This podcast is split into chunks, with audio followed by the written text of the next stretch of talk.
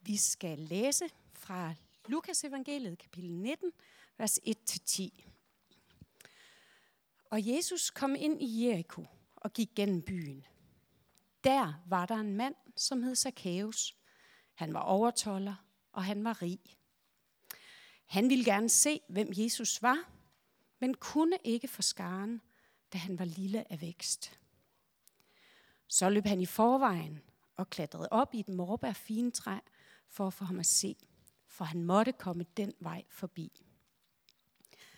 Da Jesus kom til stedet, så han op og sagde, Zacchaeus, skynd dig at komme ned. I dag skal jeg være gæst i dit hus. Så skyndte han sig ned og tog glad imod ham. Men alle, som så det, gav ondt af sig og sagde, han er gået ind som gæst hos en syndig mand. Men Zacchaeus stod frem og sagde til Herren, Se herre, halvdelen af, hvad jeg ejer, giver jeg til de fattige. Og hvis jeg har presset penge af nogen, giver jeg det fire dobbelt tilbage. Da sagde Jesus om ham, i dag er der kommet frelse til dette hus, fordi også han er en Abrahams søn. For menneskesønnen er kommet for at opsøge og frelse det fortabte.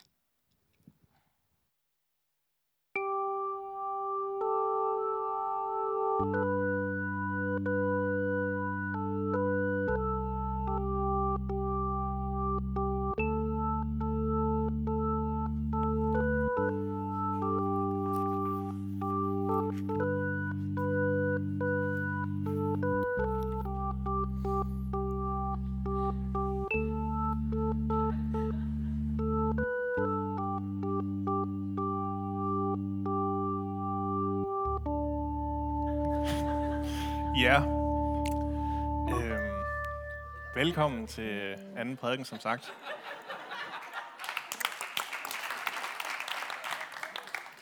I, I dag så handler det om, øh, hvem vi vil have med til fest.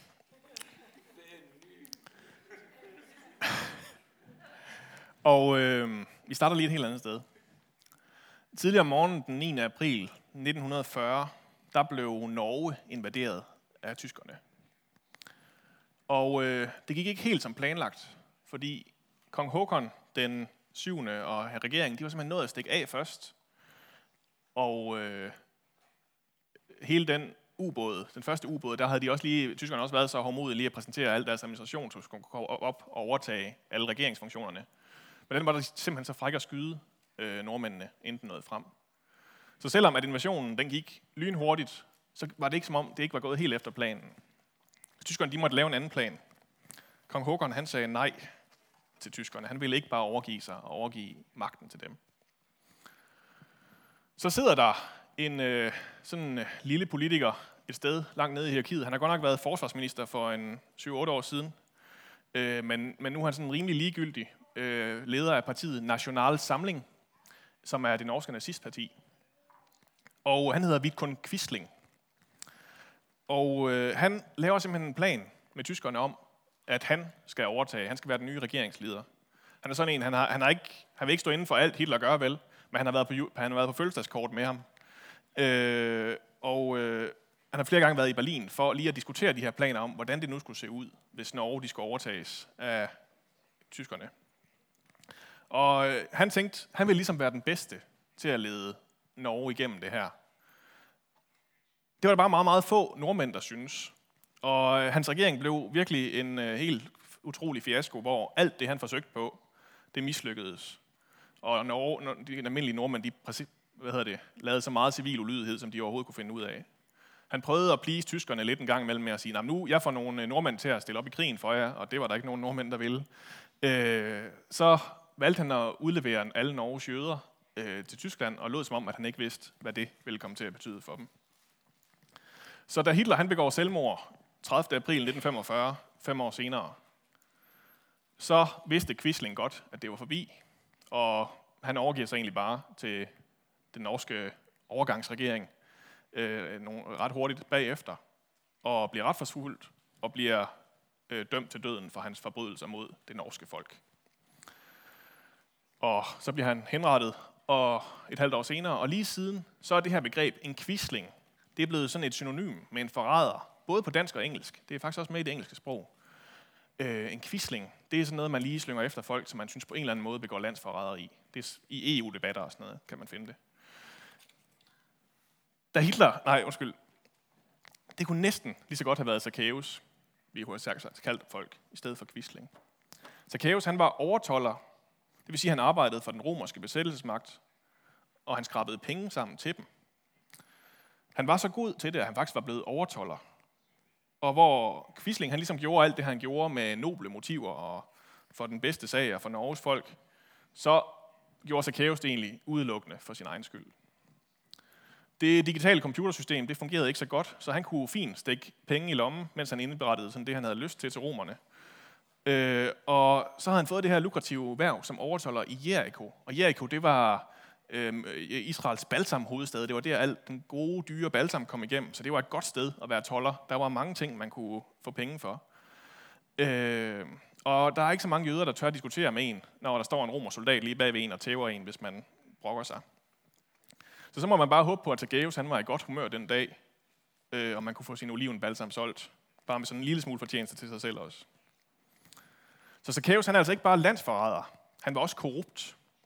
Og han sørgede dermed for, at al tillid til myndighederne, det blev, det blev eroderet.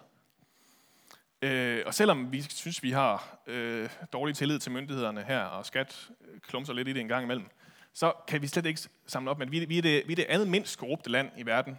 New Zealand de har lige stukket Transparency International øh, nogle penge for at komme over os og ligge. Øh, men øh, ja, og vi skal ikke betale et ekstra beløb til sagsbehandleren nede på borgerservice, bare for at få vores pas vel. Øh, Zacchaeus han ødelægger det jødiske samfund. Han gør det både ved at samarbejde med besættelsesmagten, men også ved bare at ødelægge tilliden til myndighederne og skade handelen. Jeg bryder mig virkelig ikke om ham. Og øh, selvom psykologerne ikke helt vil være med til, at det er en rigtig diagnose, så tror jeg, at han har lidt af Napoleon-komplekset. Øh, han er simpelthen blevet mobbet for at være lille, og det benytter han så, derfor så benytter han første og bedste lejlighed til at tilrane sig sin magt. Og så skal de her smarte typer nok lære at respektere ham, når han først bliver rig og magtfuld. Og det er bare gået fuldstændig omvendt af, hvad han havde regnet med. Fordi nu hader hele byen ham.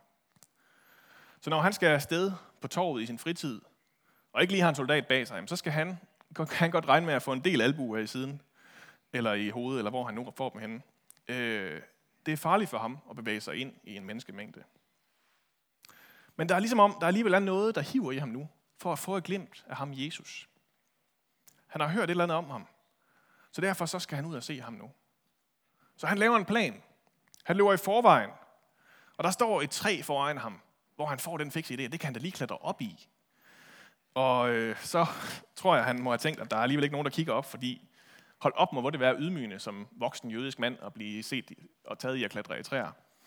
Men øh, han skal bare lige have glemt af Jesus. Det kan han få deroppe fra. Og rundt om hjørnet, så er Jesus ved at arbejde sig igennem den her menneskemængde. Og øh, alle vil have hans opmærksomhed. Der er blinde, der skal helbredes, så der er fariserer, der skal diskuteres med, og over i øvrige disciple, der lige skal i rettesættes og bede om at tage den med ro. Men da han så kommer til det her træ, så stopper han alligevel op, og så ser han sådan fuldstændig ud af ingenting, så kigger han op, og så siger han, Zacchaeus, skynd dig at komme ned. I dag, så skal jeg være gæst i dit hus. Og folkemængden, de buer. Disciplinen, de river sig i håret over den her PR-katastrofe. Og imens så sidder Zacchaeus deroppe i træet, og bliver bare ramt helt ind i hjertet. Han burde være pinlig over at blive taget foran hele den her menneskemængde i at kravle i træer.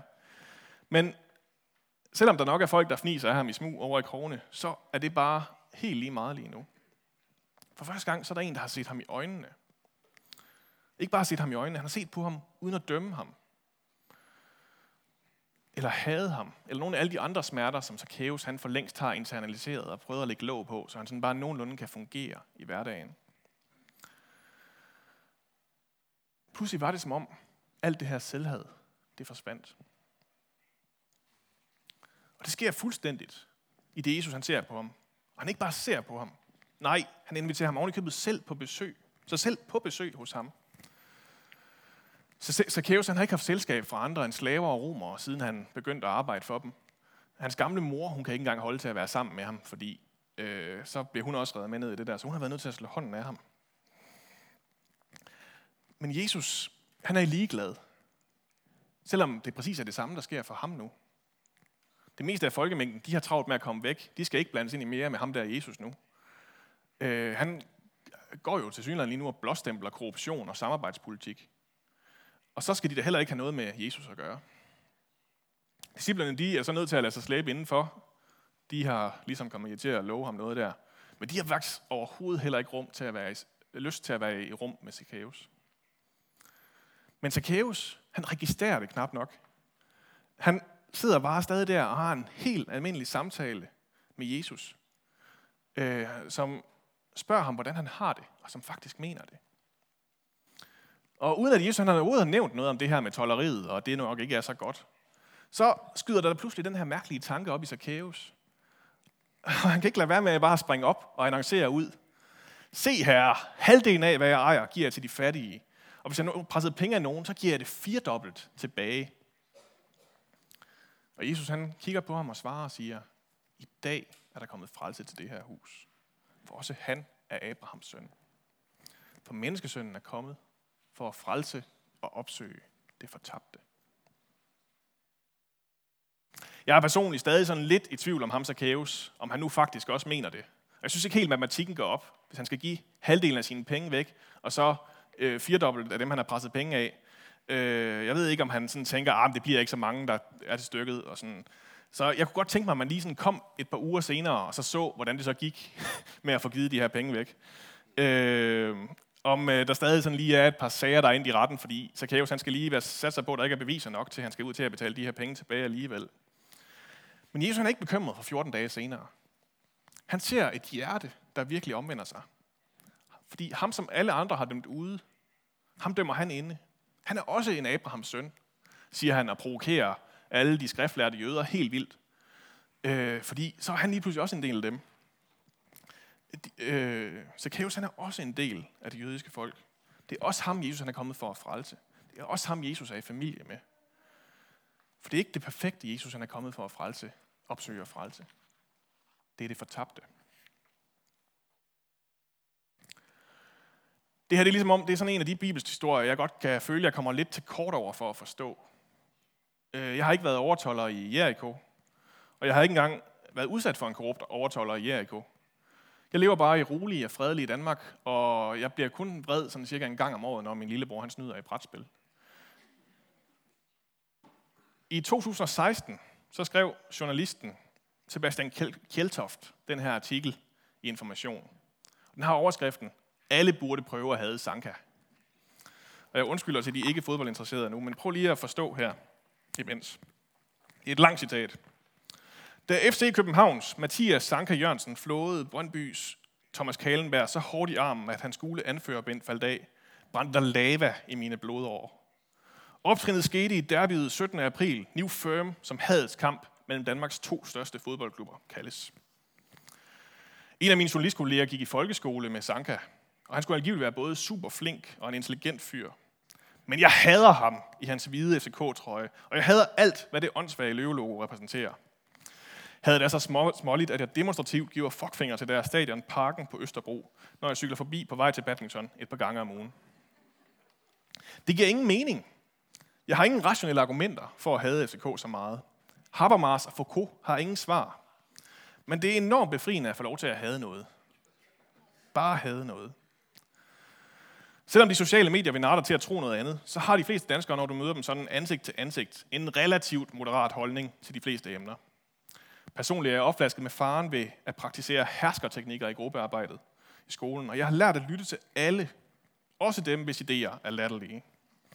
I naturteknik i 6. klasse lærte jeg at give burgerbolle-feedback og ros med løgn på, da Mathias holdt et oplæg om tiger, som jeg ved, han havde planket fra studienet.dk.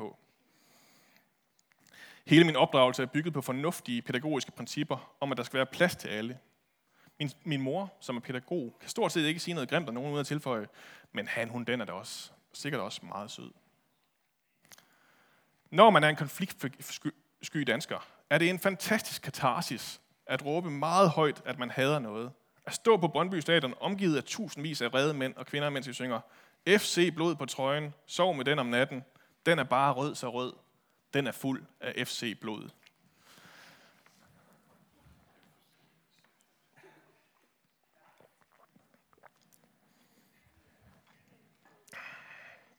Ja, øh, de er ikke fodboldinteresserede kan sikkert slet ikke forstå det her.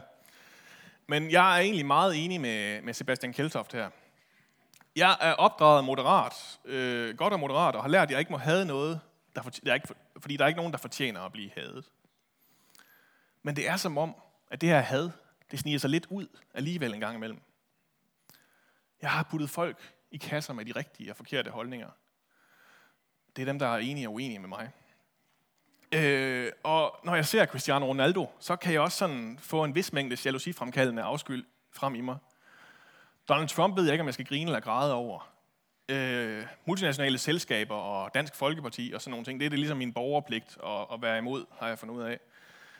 Og så er der bare dem, der, der lugter lidt mærkeligt. Dem, der snakker for meget.